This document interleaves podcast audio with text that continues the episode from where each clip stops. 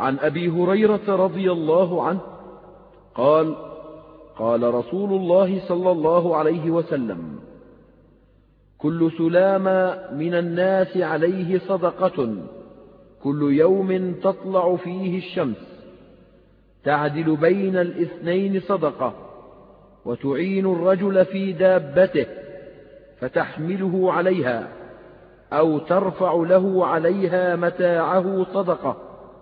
والكلمة الطيبة صدقة وبكل خطوة تمشيها إلى الصلاة صدقة وتميط الأذى عن الطريق صدقة. رواه البخاري ومسلم. هذا الحديث خرجاه من رواية همام بن منبه عن أبي هريرة وخرجه البزار من رواية أبي صالح عن أبي هريرة عن النبي صلى الله عليه وسلم قال الإنسان ثلاثمائة وستون عظما أو ستة وثلاثون سلاما عليه في كل يوم صدقة. قالوا فمن لم يجد؟ قال يأمر بالمعروف وينهى عن المنكر. قالوا فمن لم يستطع؟ قال يرفع عظما عن الطريق. قالوا فمن لم يستطع؟ قال فليعن ضعيفا. قالوا فمن لم يستطع ذلك؟ قال فليدع الناس من شره. وخرج مسلم من حديث عائشة عن النبي صلى الله عليه وسلم قال خلق ابن آدم على ستين وثلاثمائة مفصل. فمن ذكر الله وحمد الله وهلل الله وسبح الله وعزل حجرا عن طريق المسلمين أو عزل شوكة أو عزل عظما أو أمر بمعروف أو نهى عن منكر عدد تلك الستين والثلاثمائة السلام أمسى من يومه وقد زحزح نفسه عن النار.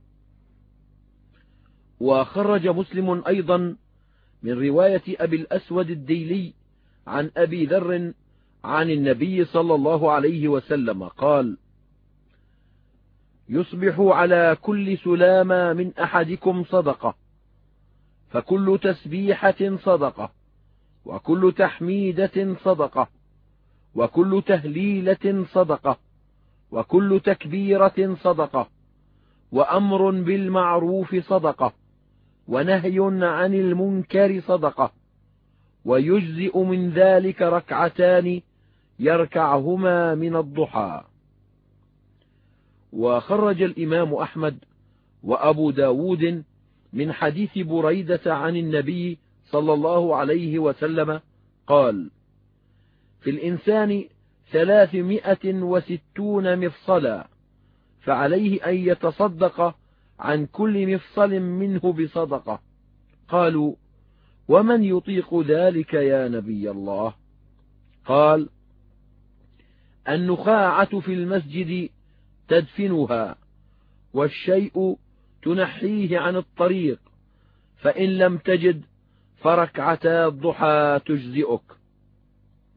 وفي الصحيحين عن أبي موسى عن النبي صلى الله عليه وسلم قال على كل مسلم صدقة قالوا فإن لم يجد قال فيعمل بيده فينفع نفسه ويتصدق قالوا فإن لم يستطع أولم يفعل قال يعين ذا الحاجة الملهوف قالوا فإن لم يفعل قال فليأمر بالخير أو قال بالمعروف. قالوا فإن لم يفعل قال فليمسك عن الشر فإنه له صدقة. وخرج ابن حبان في صحيحه من حديث ابن عباس عن النبي صلى الله عليه وسلم. قال على كل منسم من ابن آدم صدقة كل يوم. فقال رجل من القوم ومن يطيق هذا؟ قال أمر بالمعروف صدقة ونهي عن المنكر صدقة والحمل على الضعيف صدقة وكل خطوة يخطوها أحدكم إلى الصلاة صدقة. وخرجه البزار وغيره. وفي رواية على كل ميسم من الإنسان صدقة كل يوم أو صلاة. فقال رجل هذا من أشد ما أتيتنا به. فقال إن أمرا بالمعروف ونهيا عن المنكر صلاة أو صدقة وحملك عن الضعيف صلاة وإنحاؤك القذر عن الطريق صلاة. وكل خطوة تخطوها إلى الصلاة صلاة. وفي رواية البزار وإماطة الأذى عن الطريق صدقة أو قال صلاة. وقال بعضهم يريد بالميسم كل عضو على حدة مأخوذ من الوسم وهو العلامة. إذ ما من عظم ولا عرق ولا عصب إلا وعليه أثر صنع الله. فيجب على العبد الشكر على ذلك لله والحمد له على خلقه سويا صحيحا.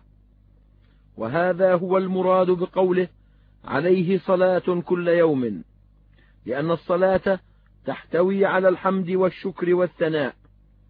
وخرج الطبراني من وجه آخر عن ابن عباس رفع الحديث إلى النبي صلى الله عليه وسلم قال على كل سلامة أو على كل عضو من بني آدم في كل يوم صدقة ويجزئ من ذلك ركعتا الضحى. ويروى من حديث أبي الدرداء عن النبي صلى الله عليه وسلم قال على كل نفس في كل يوم صدقة. قيل فإن كان لا يجد شيئا قال أليس بصيرا شهما فصيحا صحيحا؟ قال بلى. قال يعطي من قليله وكثيره. وإن بصرك للمنقوص بصره صدقة. وإن سمعك للمنقوص سمعه صدقة. وقد ذكرنا في شرح الحديث الماضي حديث أبي ذر الذي خرجه ابن حبان في صحيحه أن النبي صلى الله عليه وسلم قال ليس من نفس ابن آدم إلا عليها صدقة في كل يوم طلعت فيه الشمس قيل يا رسول الله ومن أين لنا صدقة نتصدق بها؟ قال إن أبواب الخير لكثيرة. التسبيح والتحميد والتكبير والتهليل والأمر بالمعروف والنهي عن المنكر وتميط الأذى عن الطريق وتسمع الأصم وتهدي الأعمى وتدل المستدل على حاجته وتسعى بشدة ساقيك مع اللهفان المستغيث وتحمل بشدة ذراعيك مع الضعيف فهذا كله صدقة منك على نفسك. فقوله صلى الله عليه وسلم على كل سلامة من الناس عليه صدقة قال أبو عبيد السلامة في الأصل عظم يكون في فرسن البعير قال فكأن معنى الحديث على كل عظم من عظام ابن آدم صدقة. يشير أبو عبيد إلى أن السلامة اسم لبعض العظام الصغار التي في الإبل ثم عبر بها عن العظام في الجملة بالنسبة إلى الآدمي وغيره. فمعنى الحديث عنده على كل عظم من عظام ابن آدم صدقة. وقال غيره السلامة عظم في طرف اليد والرجل وكني بذلك عن جميع عظام الجسد والسلام جمع وقيل هو مفرد. وقد ذكر علماء الطب أن جميع عظام البدن مئتان وثمانية وأربعون عظما سوى السمسمانيات وبعضهم يقول هي ثلاثمائة وستون عظما. يظهر منها للحس مئتان وخمسة وستون عظما والباقية صغار لا تظهر تسمى السمسمانية. وهذه الأحاديث تصدق هذا القول ولعل السلام عبر بها عن هذه العظام الصغار كما أنها في الأصل اسم لأصغر ما في البعير من العظام. ورواية البزار لحديث أبي هريرة يشهد لهذا حيث قال فيها أو ستة وثلاثون سلاما. وقد خرجه غير البزار وقال فيه إن في ابن آدم ستمائة وستين عظما. وهذه الرواية غلط وفي حديث عائشة وبريدة ذكر ثلاثمائة وستين مفصلا. ومعنى الحديث أن تركيب هذه العظام وسلامتها من أعظم نعم الله على عبده فيحتاج كل عظم منها إلى صدقة يتصدق ابن آدم عنه ليكون ذلك شكرا لهذه النعمة. قال الله عز وجل يا أيها الإنسان ما غرك بربك الكريم الذي خلقك فسواك فعدلك في أي صورة ما شاء ركبك. وقال عز وجل قل هو الذي أنشأكم وجعل لكم السمع والأبصار والأفئدة قليلا ما تشكرون. وقال والله أخرجكم من بطون أمهاتكم لا تعلمون شيئا وجعل لكم السمع والأبصار والأفئدة لعلكم تشكرون. وقال ألم نجعل له عينين ولسانا وشفتين؟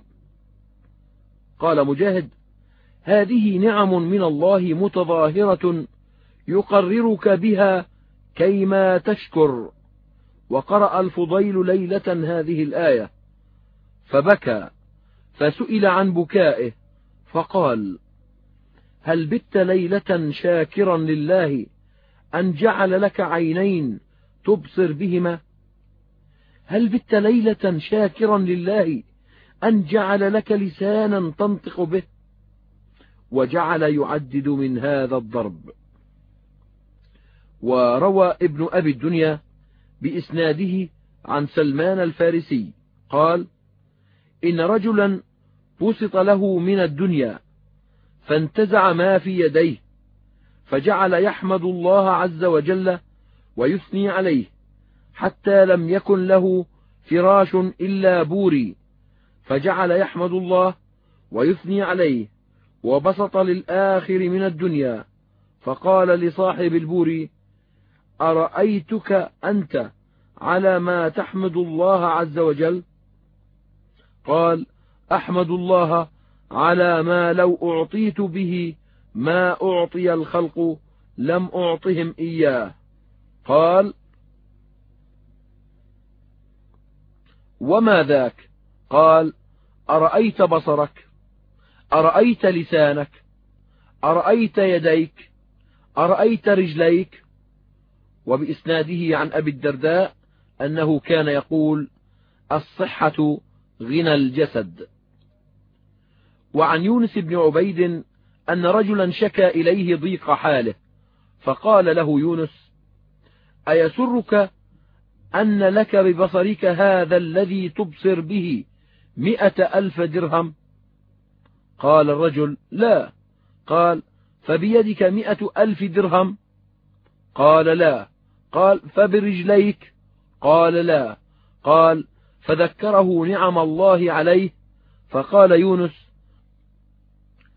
أرى عندك مئين ألوف وأنت تشكو الحاجة وعن وهب بن منبه قال مكتوب في حكمة آل داود العافية الملك الخفي وعن بكر المزني قال يا ابن آدم إن أردت أن تعلم قدر ما أنعم الله عليك فغمض عينيك. وفي بعض الآثار كم من نعمة لله في عرق ساكن. وفي صحيح البخاري عن ابن عباس عن النبي صلى الله عليه وسلم قال نعمتان مغبون فيهما كثير من الناس. الصحة والفراغ. فهذه النعم مما يسأل الإنسان عن شكرها يوم القيامة ويطالب به كما قال تعالى ثم لتسألن يومئذ عن النعيم وخرج الترمذي وابن حبان من حديث أبي هريرة عن النبي صلى الله عليه وسلم قال إن أول ما يسأل العبد عنه يوم القيامة من النعيم فيقول له ألم نصح لك جسمك ونرويك من الماء البارد؟ وقال ابن مسعود رضي الله عنه النعيم الأمن والصحة وروي عنه مرفوعا. وقال علي بن أبي طلحة عن ابن عباس في قوله ثم لتسألن يومئذ عن النعيم. قال النعيم صحة الأبدان والأسماع والأبصار. يسأل الله العبادة فيما استعملوها وهو أعلم بذلك منهم وهو قوله تعالى إن السمع والبصر والفؤاد كل أولئك كان عنه مسؤولا. وخرج الطبراني من رواية أيوب بن عتبة وفيه ضعف عن عطاء عن ابن عمر عن النبي صلى الله عليه وسلم من قال لا إله إلا الله كان له بها عهد عند الله. ومن قال سبحان الله وبحمده كتب له بها م ألف حسنة. وأربعة وعشرون ألف حسنة. فقال رجل كيف نهلك بعد هذا يا رسول الله؟ قال إن الرجل ليأتي يوم القيامة بالعمل. لو وضع على جبل لأثقله. فتقوم النعمة من نعم الله. فتكاد أن تستنفذ ذلك كله. إلا أن يتطاول الله برحمته. وروى ابن أبي الدنيا بإسناد فيه ضعف أيضا عن أنس عن النبي صلى الله عليه وسلم. قال يؤتى بالنعم يوم القيامة وبالحسنات والسيئات فيقول الله لنعمة من نعمه خذي حقك من حسناته فما تترك له حسنة إلا ذهبت بها. وبإسناده عن وهب بن منبه قال عبد الله عابد خمسين عاما فأوحى الله عز وجل إليه إني قد غفرت لك. قال يا ربي وما تغفر لي ولم أذنب. فأذن الله عز وجل لعرق في عنقه فضرب عليه فلم ينم. ولم يصلي ثم سكن وقام فأتاه ملك فشكى إليه ما لقي من ضربان العرق. فقال الملك إن ربك عز وجل يقول عبادتك خمسين سنة تعدل سكون ذا العرق. وخرج الحاكم هذا المعنى مرفوعا من رواية سليمان بن هرم القرشي عن محمد بن المنكدر عن جابر عن النبي صلى الله عليه وسلم أن جبريل أخبره أن عابدا عبد الله على رأس جبل في البحر خمسمائة سنة. ثم سأل ربه أن يقبضه وهو ساجد. قال فنحن نمر عليه إذا هبطنا وإذا عرجنا. ونجد في العلم أنه يبعث يوم القيامة. فيوقف بين يدي الله عز وجل فيقول الرب عز وجل أدخلوا عبدي الجنة برحمتي. فيقول العبد يا ربي بعملي ثلاث مرات ثم يقول الله للملائكة قايسوا عبدي بنعمتي عليه وبعمله. فيجدون نعمة البصر قد أحاطت بعبادة خمسمائة سنة وبقيت نعم الجسد له. فيقول أدخلوا عبدي النار فيجر إلى النار فينادي ربه برحمتك أدخلني الجنة برحمتك فيدخله الجنة. قال جبريل إنما الأشياء برحمة الله يا محمد. وسليمان بن هرم قال العقيلي هو مجهول وحديثه غير محفوظ. وروى الخرائطي بإسناد فيه نظر عن عبد الله بن عمرو مرفوعا. يؤتى بالعبد يوم القيامة فيوقف بين يدي الله عز وجل فيقول للملائكة انظروا في عمل عبدي ونعمتي عليه. فينظرون فيقولون ولا بقدر نعمة واحدة من نعمك عليه. فيقول انظروا في عمله سيئه وصالحه. فينظرون فيجدون كفافا فيقول عبدي قد قبلت حسناتك وغفرت لك سيئاتك وقد وهبت لك نعمتي فيما بين ذلك. والمقصود أن الله تعالى أنعم على عباده بما لا يحصونه كما قال وإن تعدوا نعمة الله لا تحصوها وطلب منهم الشكر ورضي به منهم. قال سليمان التيمي إن الله أنعم على العباد على قدره وكلفهم الشكر على قدرهم حتى رضي منهم من الشكر بالاعتراف بقلوبهم بنعمه وبالحمد بألسنتهم عليها كما خرجه أبو داود والنسائي من حديث عبد الله بن غنام عن النبي صلى الله عليه وسلم أنه قال من قال حين يصبح اللهم ما أصبح بي من نعمة أو بأحد من خلقك فمنك وحدك لا شريك لك فلك الحمد ولك الشكر. فقد أدى شكر ذلك اليوم. ومن قالها حين يمسي أدى شكر ليلته. وفي رواية النسائي عن عبد الله بن عباس. وخرج الحاكم من حديث عائشة عن النبي صلى الله عليه وسلم قال ما أنعم الله على عبد نعمة فعلم أنها من عند الله إلا كتب الله له شكرها قبل أن يشكرها وما أذنب عبد ذنبا فندم عليه إلا كتب الله له مغفرته قبل أن يستغفره. قال أبو عمرو الشيباني قال موسى عليه السلام يوم الطور يا ربي إن أنا صليت فمن قبلك وإن أنا تصدقت فمن قبلك وإن أنا بلغت رسالتك فمن قبلك فكيف أشكرك؟ قال الآن شكرتني. وعن الحسن قال قال موسى عليه السلام يا ربي كيف يستطيع آدم أن يؤدي شكر ما صنعت إليه؟ خلقته بيدك ونفخت فيه من روحك وأسكنته جنتك وأمرت الملائكة فسجدوا له.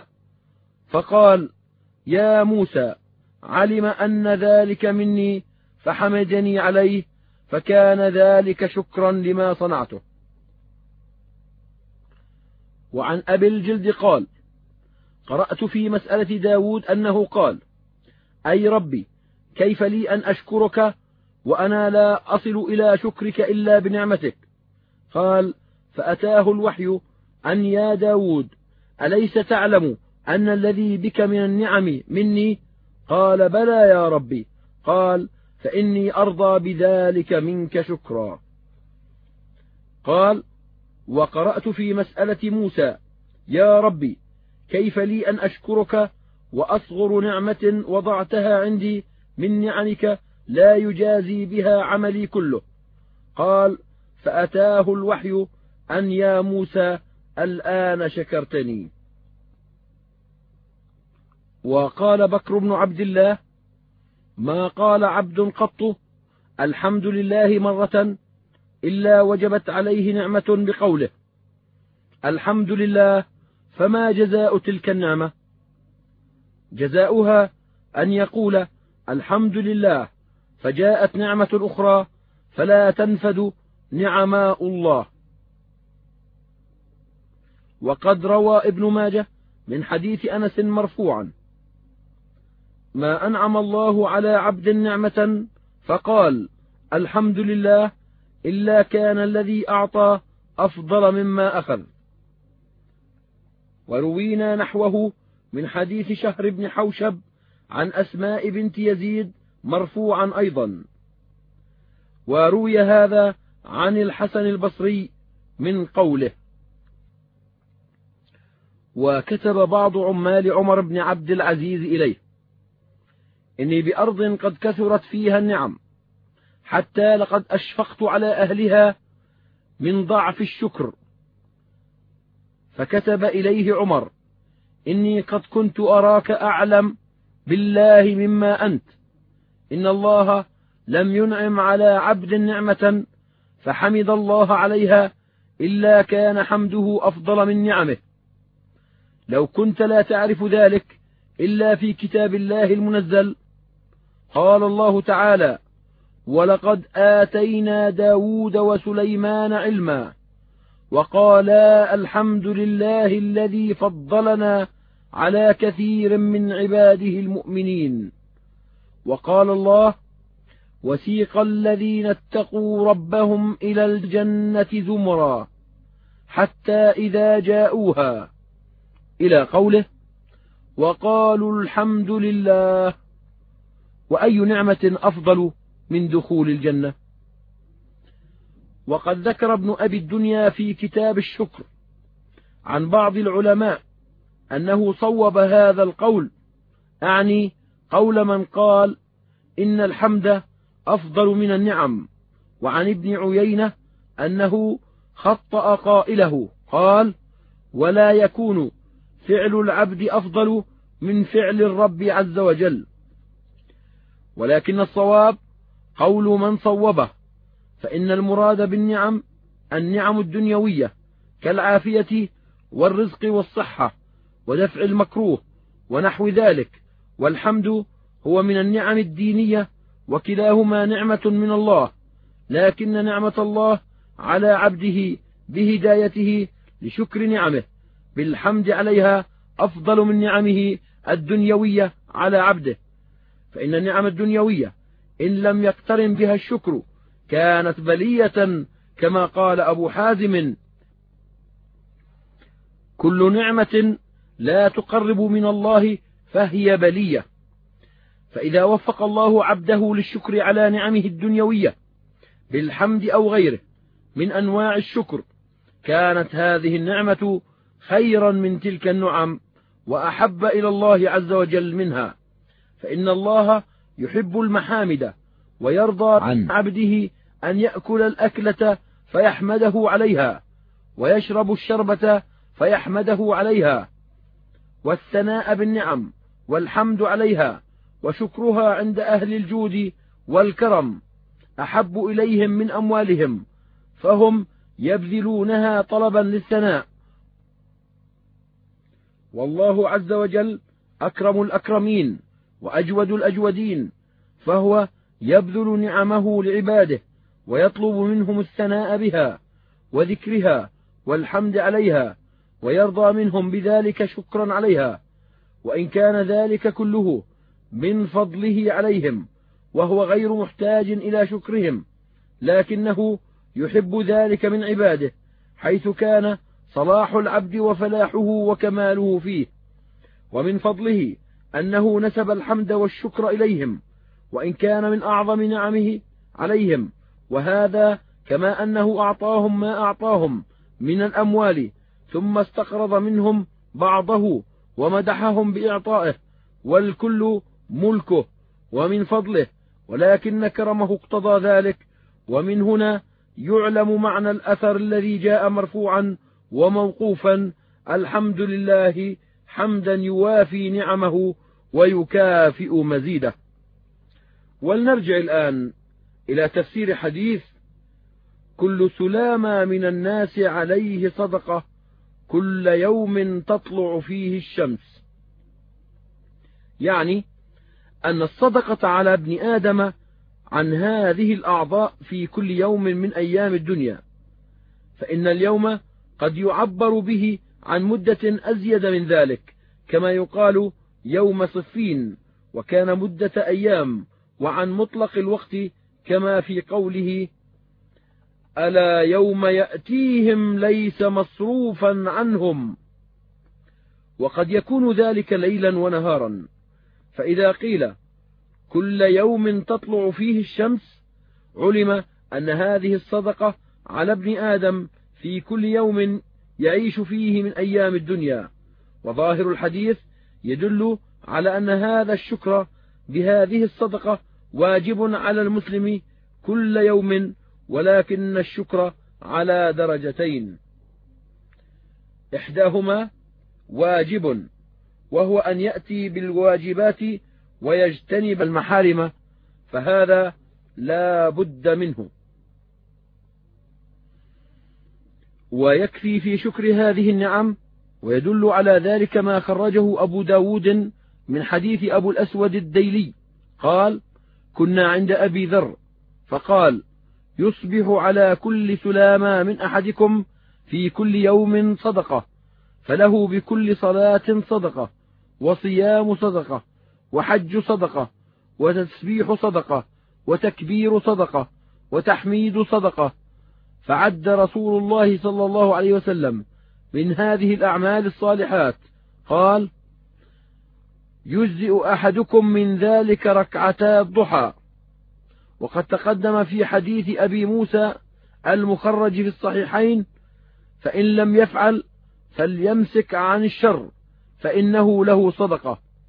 وهذا يدل على أنه يكفيه أن لا يفعل شيئا من الشر وإنما يكون مجتنبا للشر إذا قام بالفرائض واجتنب المحارم فإن أعظم الشر ترك الفرائض.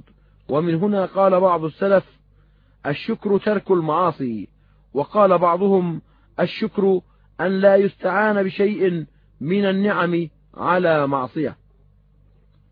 وذكر أبو حازم الزاهد شكر الجوارح كلها وأن تكف عن المعاصي وتستعمل في الطاعات. ثم قال وأما من شكر بلسانه ولم يشكر بجميع أعضائه فمثله كمثل رجل له كساء فأخذ بطرفه فلم يلبسه فلم ينفعه ذلك من الحر والبرد والثلج والمطر. وقال عبد الرحمن بن زيد بن أسلم لينظر العبد في نعم الله عليه في بدنه وسمعه وبصره ويديه ورجليه وغير ذلك. ليس من هذا شيء إلا وفيه نعمة من الله عز وجل. حق على العبد أن يعمل بالنعم اللاتي هي في بدنه لله عز وجل في طاعته ونعمة أخرى في الرزق. حق عليه أن يعمل لله عز وجل فيما أنعم عليه من الرزق في طاعته. فمن عمل بهذا كان قد أخذ بحزم الشكر وأصله وفرعه. ورأى الحسن رجلا يتبختر في مشيته فقال لله في كل عضو منه نعمة اللهم لا تجعلنا ممن يتقوى بنعمك على معصيتك. الدرجة الثانية من الشكر. الشكر المستحب وهو أن يعمل العبد بعد أداء الفرائض واجتناب المحارم بنوافل الطاعات. وهذه درجة السابقين المقربين وهي التي أرشد إليها النبي صلى الله عليه وسلم في هذه الأحاديث التي سبق ذكرها. وكذلك كان النبي صلى الله عليه وسلم يجتهد في الصلاة ويقوم حتى تتفطر قدماه ما تقدم من ذنبك وما تأخر. فيقول أفلا أكون عبدا شكورا؟ وقال بعض السلف لما قال الله عز وجل اعملوا آل داود شكرا. لم يأت عليهم ساعة من ليل أو نهار إلا وفيهم مصل يصلي. وهذا مع أن بعض هذه الأعمال التي ذكرها النبي صلى الله عليه وسلم واجب إما على الأعيان كالمشي إلى الصلاة عند من يرى وجوب الصلاة في الجماعات في المساجد وإما على الكفاية كالأمر بالمعروف والنهي عن المنكر وإغاثة الملهوف والعدل بين الناس إما في الحكم بينهم أو في الإصلاح. وقد روي من حديث عبد الله بن عمرو عن النبي صلى الله عليه وسلم قال أفضل الصدقة إصلاح ذات البين. وهذه الأنواع التي أشار إليها النبي صلى الله عليه وسلم من الصدقة منها ما نفعه متعد كالإصلاح وإعانة الرجل على دابته يحمله عليها أو يرفع متاعه عليها والكلمة الطيبة ويدخل فيها السلام. وتشميت العاطس وإزالة الأذى عن الطريق والأمر بالمعروف والنهي عن المنكر ودفن النخامة في المسجد وإعانة ذي الحاجة الملهوف وإسماع الأصم